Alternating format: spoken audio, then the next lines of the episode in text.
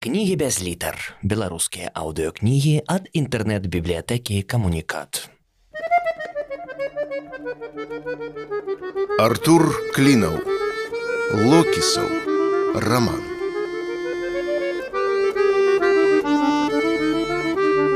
Глава другая. Засяліўшыся ў нумар, Локісаў захацеў нечага з'есці, а яшчэ болей выпіць. Не сказаць, каб дарога яго стаміла, але гэты волкі восеньскі вечар на беразе герадотавага мора быццам патрабаваў скласці яму кампанію, прыгубіць разам кілішак, пагаварыць па душах, а напіўшыся, паплакацца ў яго запрэлую ад пажоўклага лісця камізэльку, пагугніць пад п'яныя слёзы, чаму ён бяжыць ад людзей і сталіц сюды, на край зямлі. Што гэта? Стома, адмова ад барацьбы, пагарды да свету патрэба заціхарыцца мо фамільны праклён. Гэтак жа ў свой час зрабіў і яго бацька. І дзед і прадзед. Прадзеду праўда было прасцей ён мог схавацца ва ўласным маёнтку. Аднак што б гэта ні было локісаў адчуваў цяпер тое самае патрэбу адасобіцца знікнуць са свету жыць без інтэрнэту і фейсбуку забыцца пра вайну не чуць яе набліжэння, А калі яна і здарыцца, то сюды, на край зямлі даляціць толькі яе цьмянае фасфаресцэнтнае ззянне. Замкнуўшы дзверы пакоя, ён спусціўся і выйшаў на плошчу. Хаця шыльда забягалаўкі на іншым яе баку і сцвярджала, што бар працуе ад 16 до 24, а па выходных аж да другой ночы, ён аказаўся зачыненым. Усё, што локісаву заставалася, перайсці дарогу і накіравацца да гастранома. У адрозненне ад гатэля га выявіўся класічным савецкім магазинам без еўрарамонту і лішняга гламуру. Выбраўшы з асартыменту пазелянелых каўбас на выгляд самую свежую, Локісаў прыхапіў бохан ха, гарчыцу, плаўлены срок, дружба, бутэльку версаля і вярнуўся ў нумар. Відаць, паасобныя прагрэсіўныя ідэі, якія часам заносіць з таго краю зямлі балтыйскім ветрам, дакаціліся і да гэтага мядзвежага куточка. На сцяне вісела таблічка у нумары не паліць. Наліўшы проста пад ёю, локісаў адчыніў акно і зацягнуўся цыгарэткай. Вокны пакоя выходзілі на плошчу, таму велічны гмах касцёла цяпер высіўся проста перад яго вачыма. У загусцелай цемры ён здаваўся гіганцкім барочным тытанікам, А што яшчэ можа адчаліць з гэтага порта, які выправіўся ў першы рэйс і зараз лунаў над чорнымі хвалямі дахаў пасёлка. Поўня асвятляла Т з тылу, ад чаго яго сілуэт змрочна навісаў над плошчай, па цэнтры якой стаяў бронзавы магелан і выцягнутай рукой паказваў караблю шлях на поўнач зрэдку побач праходзілі дробныя фігуркі мінакоў, якія накіроўваліся да гастранома. Гэта юная ведьмачка за стойкай рэцэпцыі дзіўным чынам адчула ягоны настрой, залегчы на дно, заціхарыцца на дне герадотава мора, там, дзе спыніўся час, адкінуў капыты, здырдзіўся, даў дуба, сканаў, струпянеў да д'ябла акурат тое што трэба. Як жа ён стаміўся ад дыктату гэтага бязлітаснага фельдфебеля. Легчы ўстаць шыхтам за мной бегчы паскорыцца ускочыць в апошні вагон. Хто не паспеў на ўзбочыну устаць легчы адціснуцца абгрэйдзіць думкі гаджеты не хочаш застацца старасвецкім хрычом мяняй перавагі знешнасць гаворку і погляды. Бегчы бясконца бегчы за часам. Страх зрабіцца неактуальным нямодным нецікавым нікому не патрэбным. Страх пастарэць пасівець памерці застацца ў адзіноце. О як ён зненавідзеў гэтага тупога фельдфебеля! Колькі разоў той падымаў па трывозе прымушаў згаліць вусы адпусціць бараду кінуць піць і паліць развесціся з жонкай запісацца да стаматолага пайсці на курс ангельскай прачытаць апошнія кнігі б л і я лекцыю c паглядзець фільмы э схадзіць на выставы н а і х Ён абавязваў корпацца ў мегатонах бессэнсоўнай інфармацыі. Фельдфебель час прымушаў гнацца за цягніком, сцвярджаў быццам толькі тых, хто заскочыць в яго чакаюць слава, улада, дабрабыт ды любоў. Але апошні вагон заўсёды апярэджваў яго на некалькі метраў. Ён бег, а запаветныя дзверы з надпісам с уд ды любоў, Усё гэтак жа амаль рукой дастаць, аднак недасяжнае маячылі перад носам.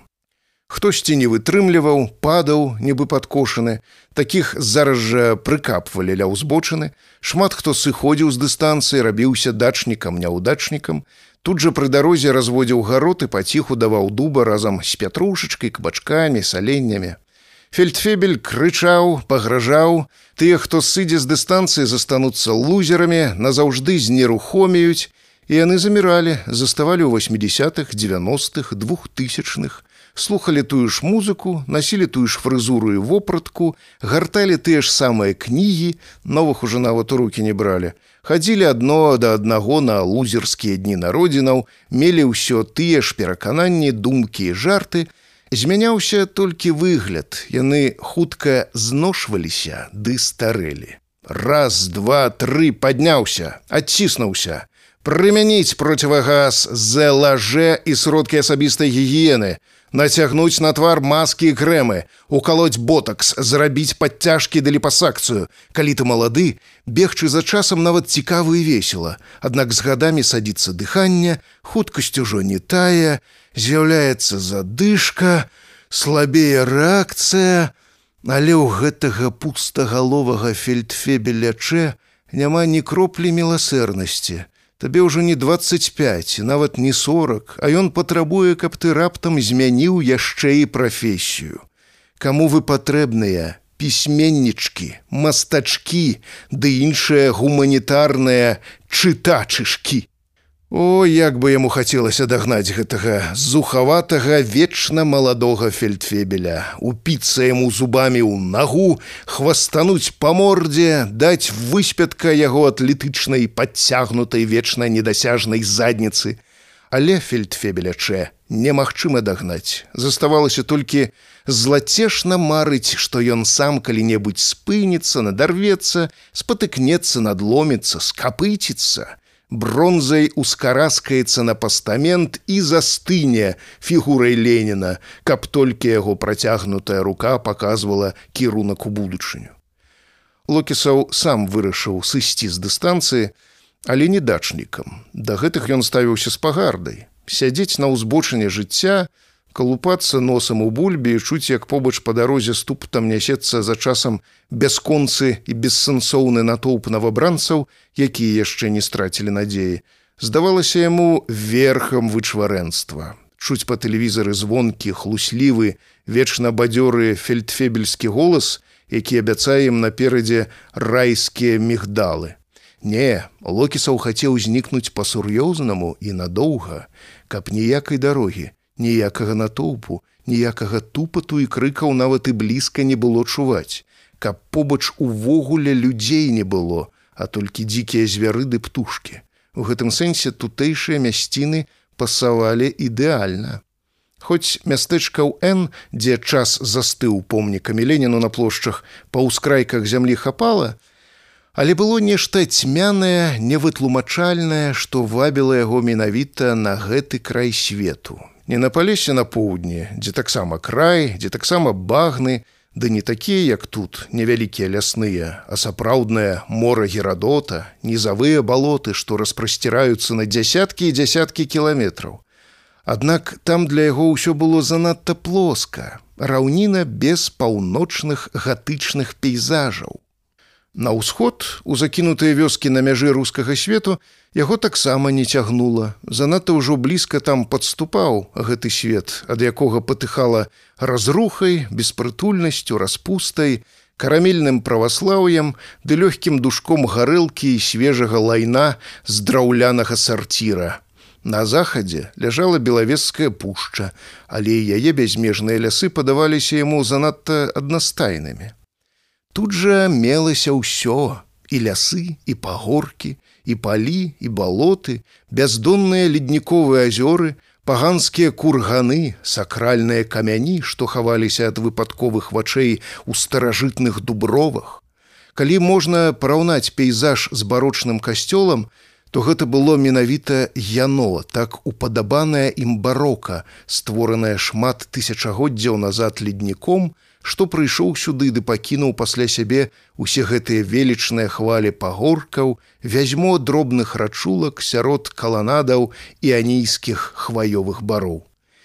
Яму падавалася, усё самае важнае ды істотнае магло адбывацца толькі ў гэтых краявідах. Менавіта непадалёк адсюль на такіх жа пагорках паўстала ві, іх старажытная сталіца, якая цяпер пайшла пад ваду, паглынутая чужым ужо не іхнім морам.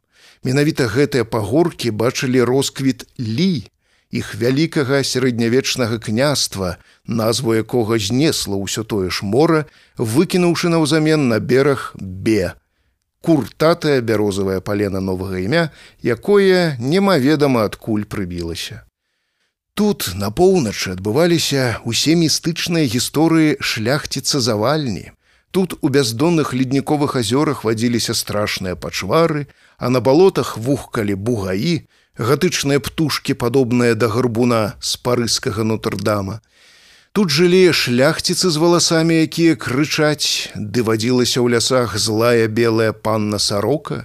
Тут варажылі малочныя ведьмы, а на багнах і ля дарог вылі плачкі.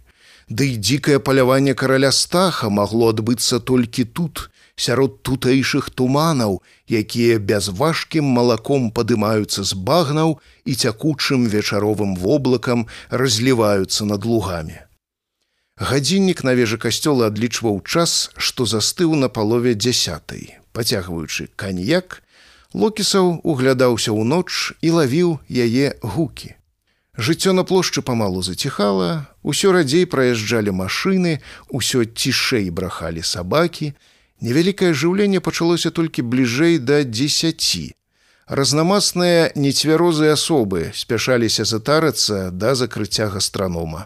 Нехта выходзіў з яго і распяваў тут жа за рагом. З плошчы паляцелі п'яныя размовы. Нейкі мужик падышоў да гатэлі і доўга ўзіраўся ў акно на другім паверсе, мабыць, заўважыўшы ў цемры пакоя агеньчыка цыгареты. А 10.05 усё сціхла. У краме загасілі святло, праз пару хвілін выйшлі прадавачкі, апошняя замкнула дзверы, неўзабаве на плошчы не засталося нікога. Толькі недзе непадалёк шумела і завывала ўсімі вантробамі бяздоннае вечна-зялёнае мора. Потым локісаў прысніў, нібы плыве ён на велізарным барочным касцёле. Мноства людзей на паверхах, ці то банкет, ці то вечарына пасля канцэрта, і дзяўчына, чарнявая, знаёмая, але не памятае адкуль аб нагу трэцца. Ён ужо яе абдымае, узгадывае прэзерватывах, як раптам раздаецца званок. Чорт ведае што і на краі зямлі спакою не даюць. Локісаў пацягнуўся па телефон. Нумар быў з таго свету. Код 48, Польшча. Але адказваць ён не стаў. На стале стаяла амаль пустая бутэлька версаля і недапітая чарка. Ён узняўся, кульнуў 20 грам, разаслаў ложак і згасіў святло.